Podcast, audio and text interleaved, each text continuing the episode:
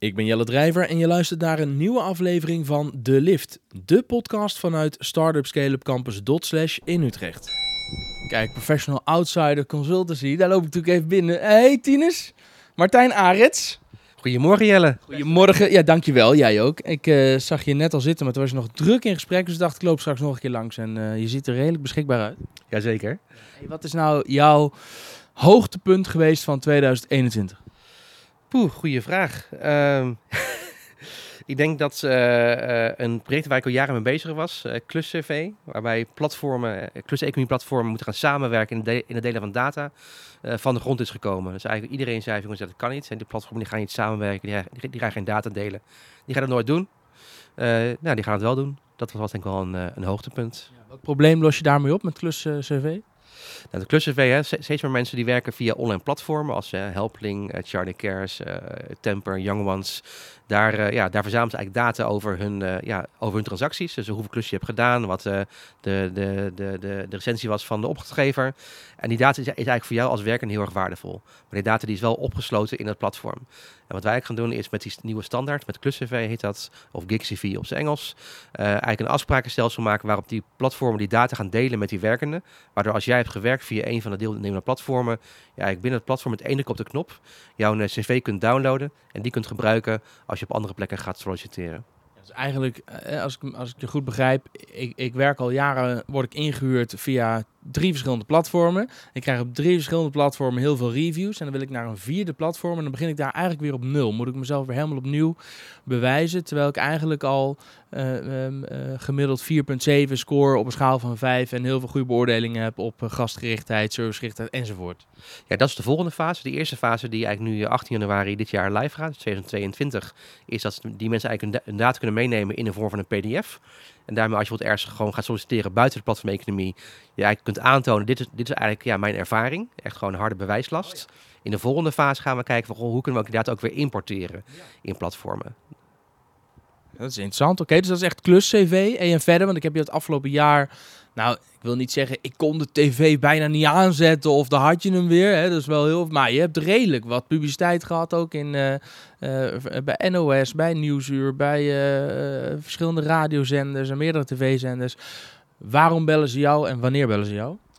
Uh, ze bellen vooral als, uh, als, er iets gebeurt in de wereld of in de media rondom platformen. Uh, en ze iemand zoeken die daar onafhankelijke duiding aan kan geven over jongens, ja leuk, we zien het gebeuren, maar wat, ja, wat, ja, wat gebeurt er nou? Dan, dan bellen ze mij. Het kan bijvoorbeeld zijn als bijvoorbeeld Uber een rechtszaak wint of verliest. Dat kan zijn als bijvoorbeeld de Europese Commissie een nieuwe wetgeving aanneemt rondom platformen. Dus eigenlijk overal waar die duiding ja, gewenst is, sta ik in de lijstjes om gebeld te worden en mag ik daar iets over, over vinden. Je hoogtepunt van 2021 was het lanceren van uh, Klus CV en Gig CV. Wat wordt je hoogtepunt van 2022? Ja, dat gaan we meemaken. In ieder geval. Ik ben daar niet heel erg, uh, heel erg vooruit. Ik denk een aantal hoogtepunten, hoogtepunten zullen worden uiteindelijk ook echt de, de, ja, de verdere doorontwikkeling van Klus CV. En nu werken vijf platformen mee. Dat moeten er tien worden. Uh, dat, daar lopen al uiteraard al gesprekken voor. Um, ik ben bezig ook met verschillende onderzoeken die ik ook verder ook wil gaan, gaan, gaan lanceren. dus eigenlijk genoeg ideeën. En ja, het, het jaar zou moeten uitwijzen hoe het, hoe het gaat. En uiteindelijk ik denk dat we ook door COVID allemaal wat flexibeler en iets minder ver vooruit aan het plannen zijn. En dat past wel heel erg goed bij de manier van mijn, van mijn werken. Ja, je, je zegt uh, die vijf platformen moeten er tien worden. Wat ik wel cool vind, is dat ik bijvoorbeeld ook Charlie van Charlie Cares zelf ook echt enthousiast uh, Klus CV zag promoten. En daarmee ook wel weer anderen wellicht inspireert om ook in te haken. Ja, zeker. Kijk, uiteindelijk in de samenwerking is het idee dat iedereen uh, ja, uiteindelijk ja, de promotie die iedereen maakt, draagt, draagt bij aan de bekendheid van iedereen. Dus dat is een soort van vliegwiel. Uh, dus uiteindelijk uh, zorg ik bijvoorbeeld meer voor de brede media coverage. Maar de platformen, ja, die moeten het ook zelf gaan communiceren richting hun stakeholders. De platformwerkers, de klanten, de investeerders, gewoon naar buiten toe. Dus eigenlijk hoe meer de platformen die meedoen ook zelf eigenlijk het verhaal meenemen in hun communicatie, hoe beter het voor iedereen is. En, dat, en, en, daar zijn ze ook zelf natuurlijk ook zeker wel, wel bewust van. Volg ons op LinkedIn en Instagram via Dotslash Utrecht. Vergeet niet te abonneren, liken en delen. Zo help je deze podcast en dus de Dotslashers aan bekendheid bij een nog breder publiek. Dank je wel. En jij als platformprofessional, welke uh, uh, trends zie je op plat in platformlandschap uh, het komend jaar? Ja, ik denk dat... eh, Dan weer over werknemerschap en de verhouding enzovoort. Ja, die, die, eh, die discussie zal waarschijnlijk nog de komende vijf jaar voortduren. Maar dat, dat, dat is, is ook natuurlijk een veel bredere arbeidsmarktdiscussie. Eh ik denk dat eh, trends die er zijn, zal veel meer gaan over de, over de, ver- ver- over de verantwoordelijkheden van platformen. In bijvoorbeeld het, het, transparant zijn in bijvoorbeeld eh, algoritmische processen en het delen van data. Dat zie je ook, ook vanuit Eu- Europa heel erg veel ja, nieuwe wetgeving voor, voor komen. Uiteraard ook, zeker ook met COVID, zijn we steeds meer gewend om ook echt online te werken. Oftewel het lo- locatie onafhankelijk ja, werken wordt steeds meer, eh, steeds meer een optie voor, voor bedrijven. Eh, daar zal ook veel in, eh, in gebeuren. Natuurlijk de, de, de metaverse, de parallele online wereld, wat eigenlijk ook gewoon een platform is. Daar zullen we dingen in gaan, gaan ontwikkelen. Waarschijnlijk een stuk minder snel dan we denken, maar uiteindelijk is de impact wel, wel heel erg groot.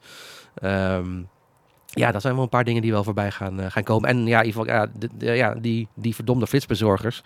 Eh, wat, wat in principe ook niet echt platformen zijn. Hè? Want het zijn natuurlijk eigenlijk gewoon, gewoon, gewoon, ja, nieuwe bezorgdiensten die wel platformtechnologie gebruiken. Maar toch uiteindelijk in ieder geval meer dat organisaties platformen gebruiken voor interne processen. Dat zal denk ik ook wel steeds meer aandacht krijgen. Je zegt verdomde flitsbezorgers. Ja, op een gegeven moment word je er echt mee doodgegooid. In ieder geval, ik merk natuurlijk, ja, want ja, heel vaak als er iets in de media komt, dan komen ze bij mij. En op een gegeven moment was het echt wel drie keer per week werd ik gebeld. En dan zei ik van jongens, eh, ja, iets over platform. Ik ja, jongens, niet, tot niet weer over flitsbezorgers. Eh ja, dus ik denk uiteindelijk ook dat het ook wel goed is om sommige dingen even iets meer tijd te geven om te laten ontwikkelen. Voordat je er echt een mening over, eh, over vormt. Want anders zie je zowel in de media, maar ook wel in de politiek, dat er heel erg meer ja, op basis van sentiment wordt, wordt gereageerd en geschreven. eh, zonder echt te weten wat er echt achter de schermen speelt. Ja, ben ik toch blij dat ik het gevraagd heb. Je zegt verdomde flitsbezorgers. Maar het gaat dus niet zozeer dat je nou per se de flitsbezorgers kut vindt. Maar dat het altijd nu de laatste tijd alleen maar over de flitsbezorgers, dat is vervelend. Jij zegt laat ook die businessmodellen even rijpen. En, en is dat ook niet dus een beetje, hoort dat ook niet gewoon bij zo'n nieuw model? Dat we het even moeten aankijken en dat het zichzelf wel gaat regelen en dat we op een gegeven moment moeten ingrijpen en zo. Oké, leuk dat jullie het zelf regelen, maar dit gaat niet de goede kant op. Of juist, dit gaat helemaal de goede kant op en we moeten daarbij ondersteunen. Nou, ik denk, ik denk wel goed dat het goed is om, om wel of, of vanaf het begin af aan betrokken bij te zijn. Maar het ook wel binnen de, context eh, te plaatsen. Eh, dus niet alleen maar echt, echt met een hele nauwe blik kijken. Jongens, we zien, we flitsbezorgers, we zien lokale magazijnen met 20 fietsen ervoor. We zien de mensen wachten en roken en, en, en weet ik veel wat. We zien e-bikes die hard over, over, over straat heen crossen. Maar het eigenlijk veel eerder ook binnen een bepaalde context gaan, gaan plaatsen. Hè. Waarom mag bijvoorbeeld wel, weet ik veel, Domino's Pizza al 20 jaar, 20 jaar lang 15 scooters op de stoep hebben staan.